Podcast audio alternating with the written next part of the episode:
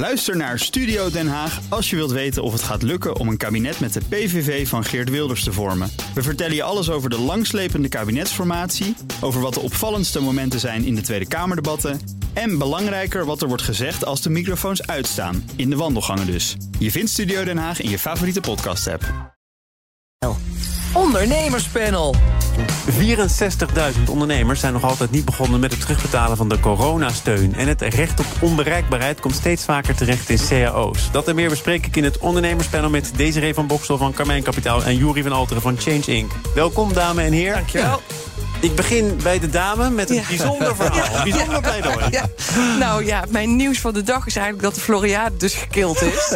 en ik snap dat heel veel mensen daar helemaal mee eens zijn. Maar ik vind dat zo'n gemiste kans. Ik vind het een soort van VND'tje. Er is, er is iets, het is 60 jaar oud. Dat is volledig niet meer van deze tijd. Daar ben ik het natuurlijk helemaal mee eens. En het eh, moet betaald worden door gemeentes. En het levert niks op, et cetera.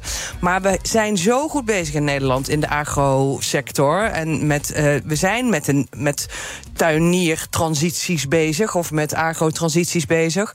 En ik zou denken, je hebt 60 jaar lang geïnvesteerd in publiek genereren voor die sector. En dan laat je dat nu zo uit je handen vallen. Had dan gewoon iets anders bedacht. Maar En de dat is Floriade is eigenlijk- toch niet de kurk waar die sector op drijft... en waar onze expertise op drijft... en ook onze wereldwijde export wat dat betreft op drijft? Zeker, maar kijk bijvoorbeeld naar de tech-sector in zijn algemeenheid. Dan heb je overal hele mooie summits en, en, en eh, congressen, et cetera, over de hele wereld. En er zijn toch plaatsen waar mensen bij elkaar komen, waar deals worden gesloten, et cetera. En dat is zo jammer dat we dat laten gaan, vind Ja, ik. maar een, een deel van het probleem is natuurlijk eh, dat het altijd duurder wordt dan begroot. En dat telkens blijkt dat er minder mensen interesse in hebben. Ja, wel op die ouderwetse manier van rond moeten lopen. Aan de andere kant, ja, kijk naar de keukenhof, daar komen mensen ook gewoon rondlopen. Dus als je het mooi maakt, dan komen mensen natuurlijk wel. Maar goed, het gaat mij ook meer om dat je als sector zo'n mooi platform. Had dat platform eh, anders georganiseerd, dan had je een heel mooi platform gehad om mensen te trekken. Om En maar, er komt iets nieuws. Hè? Ik geloof dat de brancheorganisatie. maar eh, de zeker niet uittrekt. volgend jaar. Nee, dus het gaat allemaal heel lang duren. Nou, ik moet het dan nog En zien. de Floriade is ook niet. Ieder jaar, hè? Nee, was We kunnen er wel bijna elke dag over praten, maar Ja. hij is niet eens zo vaak. Nee, eh, eens in de vijf jaar of tien jaar. Ik weet Vijf niet. jaar volgens mij, ja. ja. Juri, oude Ja. Floriade-bezoeker. Oh, Floriade bezoeken. Nou, ik ben één keer bij de Floriade geweest. Ik moet zeggen dat ik er al vijf jaar niet meer over na had gedacht. En nu weer eh, schiet het weer naar binnen. Maar eh, nee, mijn nieuws van de dag. Ja, je weet, Thomas, ik ben een waterstofrijder. hè. En ik dacht. Ik mocht laat er niet meer op nou- terugkomen. Ik dacht, laat ik nou het nieuws van vandaag eens even persoonlijk maken. Er is een, eh, eh, om eh, waterstof te stimuleren en elektrificatie te stimuleren... is er weer een grote subsidieregeling uitgeschreven... voor elektrische en waterstofvrachtwagens. Er is heel veel op ingeschreven. Heel veel vrachtwagenhouders willen graag elektrische vrachtwagens. Alleen de waterstofvrachtwagen, daar is geen enkele aanvraag voor gedaan. Dus ik zou als... Nee, want die hele waterstofsubsidie was volgens mij weer binnen een paar uur op. ja, nou, het is een combinatie van waterstof en elektrificatie. Dus, eh, en daar heeft eigenlijk iedereen alleen maar ingeschreven op elektrificatie van vrachtwagens. Maar ik dacht bij mezelf, ik heb de afgelopen drie, vier jaar heb ik eh, het pad geplaveid als een van de eerste waterstofrijders in Nederland. Eh, de, de infrastructuur is nu best goed. Ga daar gebruik van maken, want het is voor zwaar transport en voor, voor de grote industrie echt de oplossing voor de Hoeveel komende duurder periode. is dat ding ook alweer? Nou, eh, ik moet zeggen dat ik heb er geen subsidie voor gekregen, dus ik weet ook niet waar die naartoe is Nee, gegaan die, voor mijn die, auto. die, die, die waterstoftrucks die zijn echt nog. Nou, nee, nu ga ik dingen zeggen die ik niet met zekerheid kan beweren. Maar heel veel duurder dan het reguliere alternatief. Ja, maar eh, Thomas, dat is bij elke innovatierevolutie zo. Hè. Toen jij de, als jij de eerste was geweest die ooit de CD-speler had aangeschaft, had je ook honderd keer, of misschien wel duizend keer meer betaald dan de CD-speler later. Hè? Daarom was ik het ook niet. Nee, precies. Maar er zijn toch ook geen tankstations, begreep ik. Er zijn toch veel te weinig. Jij zegt de infrastructuur is er, maar die is er toch nog niet. Nou, je hebt er nu tien door Nederland, dus die landelijke dekking is redelijk gedekt. En je moet het wel organiseren. Maar toen ik begon waren er volgens mij vier. Eh, en toen tankte ik, eh, moest ik 90 kilometer heen en terug om eh, te, te kunnen tanken. Dus 180. Stop. Ja, toen was het bijna op. Maar nu is het, er komen er een stuk of 10, 15 nog bij. Dus ik denk dat het de goede kant op gaat. Maar ik denk dat de elektrificatie is niet de oplossing voor groot transport. Daar moet, daar moet waterstof tegen. Schepen die gaan op waterstof, Ja, hè? ja, dat is het, ja. Mooie oplossing. We gaan naar het recht op onbereikbaarheid. Want dat komt steeds vaker voor als arbeidsvoorwaarde in een CAO. Daarover schrijft nu.nl deze week. Eerder dit jaar werd er ook al in de Tweede Kamer gedebatteerd over mogelijke wetgeving. Uh, maken we onszelf ook wel eens schuldig aan toch nog even buiten werktijd met een collega overleggen Terwijl je niet zeker weet of die collega daar nou wel op zit te wachten, Desiree? Zeker, natuurlijk. Nou ja, terwijl je niet zeker weet of die collega erop zit te wachten, vind ik al wel weer een toevoeging waarvan ik niet helemaal zeker weet. Maar natuurlijk is het denk ik bij elk bedrijf zo, en elke werkgever zal dat ook wel beamen, vermoed ik, dat je af en toe mensen nodig hebt. Al is het maar om iets af te spreken over een afspraak van de volgende dag. Maar soms moeten er ook gewoon dingen gedaan worden. En ja, ik vind dat ook eigenlijk helemaal niet raar. Mensen bij ons vinden dat ook niet raar. We proberen enorm uh, de balans te bewaren tussen privé en werk. Maar soms moet het even. Jullie zijn natuurlijk uh, oprichter, partner, directeur. Uh, ik kan me voorstellen dat dat ook een andere verantwoordelijkheid met zich meebrengt. Een verantwoordelijkheid die niet per se gevoeld wordt door iedereen die betrokken is bij het zij Carmijn Kapitaal, het zij Change Inc. Ja, nee, ik ben, ben het mee eens. Wat ik, ik word ook wel af en toe ermee geconfronteerd dat ik ik ben echt 24-7 met dat bedrijf van me bezig. En dan vergeet ik soms uh, ook de tijd. En dan uh, uit enthousiasme bel ik allerlei uh, mensen. En dan ja, dan, ik heb wel eens teruggehoord dat, men het, eh, dat het men het wel vervelend vindt dat ik bij nacht en ontij gewoon uh, de telefoon heb. Tegelijkertijd heb ik ook heel duidelijk aangegeven: jongens, je werkt op contract 40 uur per week of 32 of 24. Dan bepaal jij wanneer die tijd voorbij is. En je hoeft de telefoon maar uit te zetten en, uh, en je hoort me niet. En dat is natuurlijk toch wel wat het is. Hè. En ik vind ook wel, dan zitten we weer als Nederland, proberen we dat weer overal vast te leggen en in procedures en in CO's. Maar CO is natuurlijk alweer minder bindend dan een wet. Als je er samen uit zou komen dat het belangrijk is om dat op te nemen in het pakket, is dat weer wat anders dan dat door Den Haag wordt opgelegd. Nee, dat is ook wel zo, Thomas. Maar het, je hebt een contract met een medewerker. En die, dat contract met de medewerker staat, staat in hoeveel uur per week je werkt. En dan is het vervolgens dat je binnen die grenzen probeert met elkaar uh, eruit te komen. Ja. Uh, ik vind het ja, lastig. ik vraag me ook af of dit de oplossing is. Want je ziet natuurlijk aan mensen, de een die reageert altijd meteen, vindt dat zelf ook gewoon prettig of fijn, of denkt dat hij daarmee een plusje scoort, wat natuurlijk ook echt soms wel zo is. ja, laten we eerlijk zijn. En iemand kan ook een minnetje scoren als hij nooit reageert, daar, daar natuurlijk. Wordt link. Daar wordt het inderdaad een beetje link, maar zo werkt het natuurlijk toch. Want ja, die flexibiliteit die wordt ook van ons werkgevers verwacht op het moment dat mensen zelf hun tijd willen indelen. Dus ja, dat is een beetje. Maar ik vraag me eigenlijk af of we niet veel meer moeten inzetten op gewoon op een andere manier van burn-out, um, uh, hoe noem je dat, voorkomen. Hè? Dus dat we laat daar werkgevers mee bezig zijn, dat je mensen goed in de gaten houdt. Want de een die gaat veel verder, gaat veel vaker zijn grenzen over dan de ander. En dat ik denk dat dat veel belangrijker is, dat we preventie daarvoor Nou, laten we dan even luisteren naar Barbara Katman van de Partij van de Arbeid, Tweede Kamerlid. Zij was degene die het initiatiefwetsvoorstel aandroeg... en eerder dit jaar dus er ook voor zorgde dat de Kamer erover debatteerde. Op Radio 1 zei ze dit. Deze wet gaat, gaat, gaat uh, eigenlijk uh, uh, werknemers het recht geven dat in ieder geval elk jaar het gesprek wordt gevoerd op dat recht op onbereikbaarheid. Dus je maakt gewoon met je werkgever afspraken wanneer je wel of niet bereikbaar bent. En dat gaat heel veel stressklachten voorkomen. En die afspraken zijn gewoon heel hard nodig, want we zitten in een burn-out-epidemie. En die heeft onder andere hiermee te maken. Een burn-out-epidemie. Ja. Het verzuimpercentage wordt ook wel eens besproken in dit panel. Ja. Groot zorgpunt voor veel ondernemers. Als je het nou in die hoek plaatst. Ja. Uh, preventiebeleid. Nou, als ik haar zo hoor. Kijk, wat, wat, het, ik, wat ik wel merk is dat er natuurlijk. Uh, er zijn. Uh, te weinig medewerkers en er zijn heel veel slechte leidinggevenden. En ik denk dat dat wel een punt is van zorg.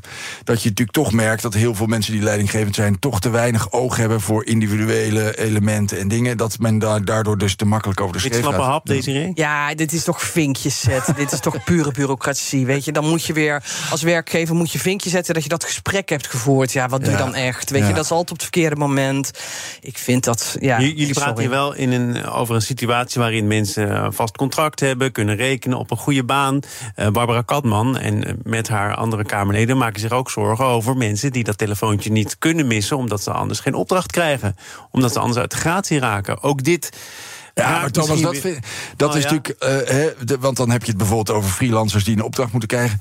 Daar ga je echt niks mee bereiken als je daar afspraken over maakt. Want op het moment dat men een telefoontje krijgt en denkt: oh, dat zou mij een opdracht, kunnen opleveren. en ik heb hem heel hard nodig. dan neemt men zelfs eh, eh, 's s'nachts nog op. Dus eh, daar kan je, daar, zal, de, daar, daar kan je geen afspraken over maken. Ja, het probleem is waarschijnlijk dat er zoveel verschillende werknemers zijn. En dat er ook mensen zijn. Ik kan me goed voorstellen als jij op, op schema's werkt in de zorg. en je wordt te pas en te onpas gebeld. of je nog even iets kan overdragen of zoiets dergelijks. Ja. natuurlijk is dat heel vervelend. En daar moeten mensen tegen beschermd worden. Maar daarvoor kan je dan niet weer alles in een CAO, in één CAO gaan regelen, denk ik. We gaan het eh, in deel 2 van dit panel hebben, onder andere over de financiering van bedrijven. BNR Nieuwsradio. Zaken doen. Thomas van Zeil.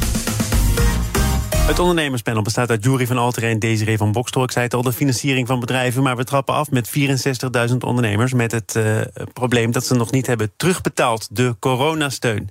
Het instituut eh, Midden- en Kleinbedrijf, het IMK... verwacht daarom nog een groot aantal faillissementen. Ehm, betekent dat eigenlijk dat er ook eh, sprake zou moeten zijn... als je ziet dat dit aan de hand is van enige coulance, Jury? Of zeg je, ja, je hebt geleend, je wist dat je moest terugbetalen... Ja. kom maar door. Nou, eh, ik, ik zou wel willen oproepen om eh coulance. Want wat, wat ik merk eigenlijk om me heen... is dat er heel veel bedrijven zijn die inderdaad nog eh, terug moeten betalen. Daarmee worstelen, maar dat wel heel graag willen doen... maar daar niet altijd meteen volgens dat regime aan kunnen voldoen. En aan de andere kant zie ik wel veel ehm, eh, eh, bedrijven... vanuit venture capital gestuurd... die de boel laten klappen. vervolgens de crediteuren en de belastingdienst het nageven... geven, en vervolgens met een doorstart de volgende fase ingaan.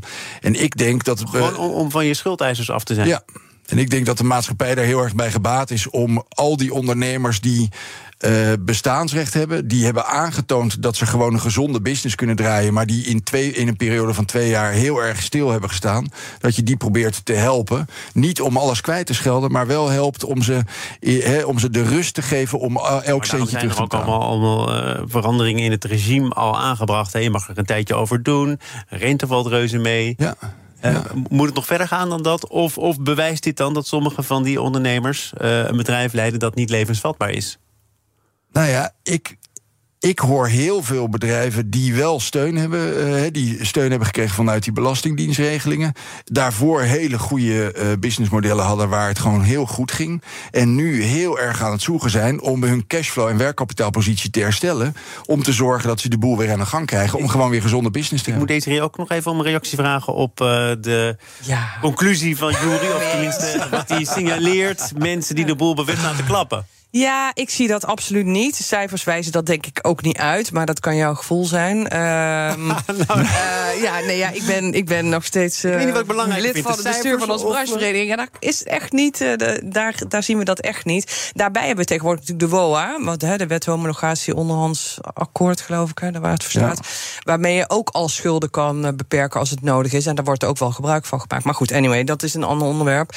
Ehm, ik denk dat ehm, die, die bedrijven absoluut geholpen moeten worden. Dat we absoluut, inderdaad, ben ik het helemaal met jou eens, dat we daar toch eh, een bepaalde mildheid voor moeten hebben. Want de, de klappen van corona zijn natuurlijk ook compleet anders bij sommige bedrijfstakken terechtgekomen dan bij anderen weer. Dus ehm, er zijn bedrijven die gewoon dicht moesten. Die moesten wel lenen. Die kregen een beetje subsidie op de loonkosten, maar verder konden ze niks. Maar soms geldt dan, Dus- dat is de eerste klap, dan komt de tweede klap, de oorlog in Oekraïne, eh, de daarbij horende hoge prijzen voor van alles nog wat, de inflatie. Eh, zo kun je natuurlijk zeggen, dat is weer een externe Nou. factor, maar het is factor op factor op factor. Ja, maar deze, deze leningen gaan natuurlijk over de coronaperiode. Het zijn ja, die. maar ze eh, zijn nog niet terugbetaald, of ze zijn nog niet begonnen met terugbetalen, omdat ze daar de dat ruimte niet voor kunnen. voelen. Nee, maar dat vind ik niet zo heel raar. Ja, ik denk dat bijna elk bedrijf toch. En het is niet zo dat je als je een keer winst maakt, dat je meteen eh, voldoende liquide bent om, om jarenlang schulden af te lossen. Ja, Nee, en ik, kost ik, tijd. Ik denk ook dat het voor heel veel van dit soort bedrijven natuurlijk toch een. he- Heel veel mensen denken: oh ja, er wordt veel geld verdiend door, eh, door ondernemers. Die zetten dat dan vervolgens allemaal op de bank. En gaan daar vervolgens heel erg van sparen. Dat op het moment dat het een keer minder is, dat ze eh, een hele grote som op de bank hebben. Nee, al die ondernemers zijn bezig met impact maken, ontwikkeling doormaken, nieuwe innovaties ondersteunen en doorvoeren. Ja, dat betekent dat op het moment dat er dan zo'n klap komt. en inderdaad, uh, dan uh, valt Rusland Oekraïne binnen. en krijg je klap op klap. dan moet je die onder, dat ondernemerschap echt de ruimte bieden. om gewoon gezondheid terug te verdienen en terug te vinden. In plaats van te denken dat zijn geen bedrijven die levensvatbaar zijn. We gaan nog even naar uh, iets anders wat die bedrijven te doen staat. Althans, is als ze in een andere fase verkeren. Namelijk, ze hebben geld nodig. En dat proberen ze steeds vaker bij elkaar te halen via crowdfunding, leasemaatschappijen. Omdat banken wat minder happig zijn. Is ook al een tijdje zo. Maar de stichting MKB-financiering heeft er recent onderzoek naar gedaan. De voorzitter, Ronald Kleverlaan, zei gisterenochtend dit in de ochtendspits. Uh, het is al een jaar of tien gaande dat uh, voor banken het steeds lastiger wordt. Onder andere vanwege regelgeving. Om zeker ook kleine financieringen te verstrekken. Ja. Het begon vooral in het wat microkrediet, echte kleine, kleine financieringen. Maar we zien tegenwoordig ook dat er opschuiven naar financieringen boven de 1 miljoen euro. En dat is eigenlijk een transitie die we eigenlijk in heel Europa zien. Uh, en dat is een uh, ontwikkeling eigenlijk in de hele financiële sector. Het is dus duidelijk een beweging die uit nood geboren is. Omdat je het uh, bij het ene loket niet krijgt, ga je naar het andere. Um, verklaarbaar dus? Ja, het is, het is uit nooit geboren, maar het is ook wel, denk ik, een trend die mede ingezet wordt doordat mensen, het publiek ook leuk vindt. We zien al heel lang dat mensen meer willen investeren in private equity. We zien nu ook dat mensen meer willen investeren in crowdfunding. De lage rente heeft daar enorm aan bijgedragen, natuurlijk. Dus het wordt ook wel een beetje gestimuleerd, denk ik, door die trend. Dus, um, maar ja, het, het, is, het is inderdaad een trend. Het perspectief is natuurlijk wel dat we, ik heb het even opgezocht, in Nederland wordt er voor 250 miljard uh, geleend. En we hebben het hier over 4 miljard. Dus het is oh ja. ook echt heel erg. Uh, sorry, over 250 miljard. Ja, we hebben het over 4 miljard. Ja, dus oh, het is dus een, heel een flinke stukje. stijging. Het is uh, 1 of 2 procent van het totaal. Ah, ja. Kijk aan. Ja. Ja. Ja. Het rentepercentage ligt over het algemeen volgens mij ook nog wat hoger. Ja. Bij andere vormen van uh, financiering. Ja. Kan dat MKB'ers nog duur komen te staan? Of Ja, wordt dat, dat- nu helemaal bij het spel? Kijk, banken hebben natuurlijk niet voor niks eh, afgeschaft. Het moet zo duur zijn omdat het heel veel tijd kost. Net zoveel als een groot dossier. Omdat je er heel veel eh, solvabiliteit voor aan moet houden. Ehm, ja, of dat wel uit kan bij die MKB'ers. Als dat maar een heel klein beetje duurder is. Dat vind ik nog wel, een- wel een vraag ook. Ja. Wel lastig hoor. Volgens mij is het, eh, je ziet dat er natuurlijk allerlei producten op de markt gebracht worden om daarin om in dat gat te stappen waar die rentepercentages natuurlijk heel hoog zijn. Ja, dat is. eh, ik denk niet dat het heel gunstig is als eh, ondernemer om daar nou op in te stappen. Je moet het ook goed kunnen afwegen. En daarom zegt eh, minister Adriaansens van Economische Zaken... er moet een, een financieringshub komen. Er is eerder gesproken over een MKB-bank. Ook om informatie te bundelen. Maar minister Adriaansens kijkt dan naar het Verenigd Koninkrijk... waar een soortgelijk initiatief is. Er is wel één belangrijk verschil. Bij die eh, Britse bank is er ook sprake van garanties die de overheid afgeeft om die financieringskosten ook daadwerkelijk te beperken. en zover wil onze eigen Nederlandse minister dan weer niet gaan. Eh, zit een ondernemer dan te wachten op zoiets als een financieringshub of is dat water naar de zee dragen? Nou, dat alle beetjes helpen. Het is echt heel moeilijk voor, voor MKB-ondernemers om geld eh, te lenen of geld bij elkaar te krijgen, equity ook. Ehm, dus ja, ik, ik zou kunnen helpen, Maar denk equity ik. was het toch eh, lange tijd niet zo moeilijk? Of, eh, Jawel, wel voor. Kijk, als jij een hele ho- hoog high-tech start-up bent, dan is het Ah. makkelijk. Als je een bedrijf bent, dan is het makkelijk. Maar alles daartussenin is toch niet zo heel makkelijk. Maar dat is ook wel meer, een beetje mijn angst voor zo'n bank weer. Dat, ja, dat, dat een soort van kurk van onze economie, namelijk wel gewoon de retail, de bakker op de hoek en weet ik, of de bakkersketens, laten we het daarover hebben dan. Dat dat daar toch wel moeilijk voor blijft. Ik begrijp ook niet helemaal zo'n financieringshub. Je zou, hè, dat kost ook heel veel tijd en moeite en geld om dat op te tuigen. Je zou ook gewoon naar die banken kunnen gaan vanuit de DNB en kunnen zeggen: jongens, voor deze en deze eh, eh, elementen moeten, we, moeten jullie verplicht ruimte maken. Nou, dat maar je- banken hebben ook zoiets eh, aan te houden als hun eigen buffers natuurlijk. Eh, kunnen niet al te veel risico lopen of denken dat niet te kunnen lopen. Nou, maar dat wordt natuurlijk opgelegd door de DNB en uiteindelijk door de Europese Unie. Dus je zou ook een, terug kunnen herleiden en kunnen zeggen: jongens, we maken daar ruimte voor. Dan hebben we geen hub nodig, maar hebben we gewoon banken die verplicht een aantal elementen moeten blijven doen. En dat moet binnen een bepaald kader, eh, eh, kan dat ook weer regelgeving krijgen vanuit die banken, denk Met ik. die garanties eventueel. Ja, ja. We gaan het over wc's hebben, want eh, de toiletketen 100 Restrooms werkt aan Europese uitbreiding, schreef het FD eerder deze week. En die toiletketen gaat samenwerken met eh Clepierre, Frans winkelvastgoedbedrijf, de Zweedse tankstationketen Circle K en snellaadbedrijf Fastnet. En daarmee wil 100 Restrooms uitgroeien van 40 tot 100 locaties in twee jaar tijd. Forse groeiambitie, maar ze hebben vooral gekeken naar uh, Toodaloo, ja. uh, waar uh, de oprichters ook hebben gewerkt. Die zijn nu dus met een concurrent begonnen ja. en willen het aanzienlijk minder stormachtig aanpakken. Ondanks deze goede ambities. Verstandig? Ja, nou, ik, ik, denk, ik vraag me af of het wel snel genoeg gaat. Want volgens mij zeiden ze vier jaar geleden toen ze startten ook dat ze snel wilden groeien. Maar dat hebben ze toch niet helemaal gedaan.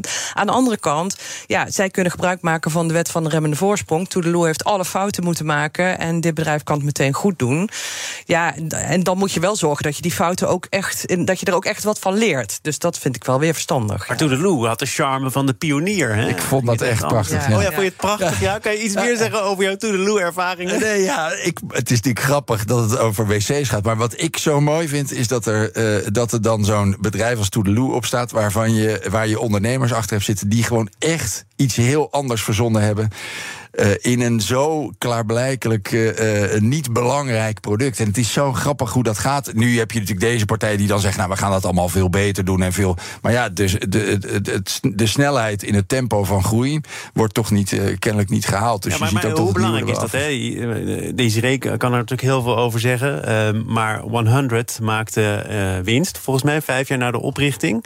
Is dat in het huidige klimaat niet ook belangrijk... dat je dat kunt laten zien? Ja, dat vind ik wel. Want volgens mij moet je laten zien bij elk bedrijf dat groeit... dat je businessmodel uit kan. Ja. En dat heeft kennelijk Toedeloe nog nooit laten zien. Dus dat is, ja, denk ik, hoog nodig dat iemand dat laat zien. Overigens, ze zijn natuurlijk niet helemaal de enige geweest... of de eerste geweest Toedeloe. Want je hebt in Duitsland dat Sanifair oh ja, of Saniways. Ja. En ja, die doen eigenlijk hetzelfde. Alleen zijn die wc's wat minder mooi. Maar ja. dat... En dat, daar, dat is groot en dat is ook winstgevend, dus dat moet kunnen. Maar is het ook niet een beetje de, dat het investeringsklimaat veranderd is... Waar, waar je van die partijen had die heel snel heel veel geld erin pompen... om zo'n markt te veroveren en dan daarna proberen renderend te worden? Ja. Dat verandert volgens mij ook, toch? Maar lukt dat nog? Nee, kijk, kijk naar al die bedrijven die dat proberen. Lukt Ja. dat dan? Als je niet kan bewijzen, al volgens mij in een vrij vroeg stadium... dat die ene wc gewoon rendabel kan Ja. opereren... Ja. Nou, rendabele wc's. Ik denk dat we Ja. ongeveer alles wel besproken hebben. En dan nog één ding, heel snel. Weet je waar dat vandaan komt, dat 100? Dat komt van, eh, vroeger heette de wc eh, kamer 100. En in Engeland is die 100 is later eh, eigenlijk is overgegaan in loo. Dus mensen zeggen dus, zijn gestopt met 100 zeggen en loo. En daar komt, nou... Ik had dit niet willen doen. Leuk, hè? Nog één ding. Deze er even een bocht op van Carmijn Kapitaal. Jurie van Alteren van Change Inc. Dank voor jullie komst naar Bij BNR ben je altijd als eerste op de hoogte van het laatste nieuws. Luister dagelijks live via internet. Bas van Werven. En heel langzaam komt de zon op rond dit tijdstip. Je krijgt inzicht in de dag die komt op BNR, het Binnenhof in Nederland en de rest van de wereld. De Ochtendspits. Voor de beste start van je werkdag. Blijf scherp en mis niets.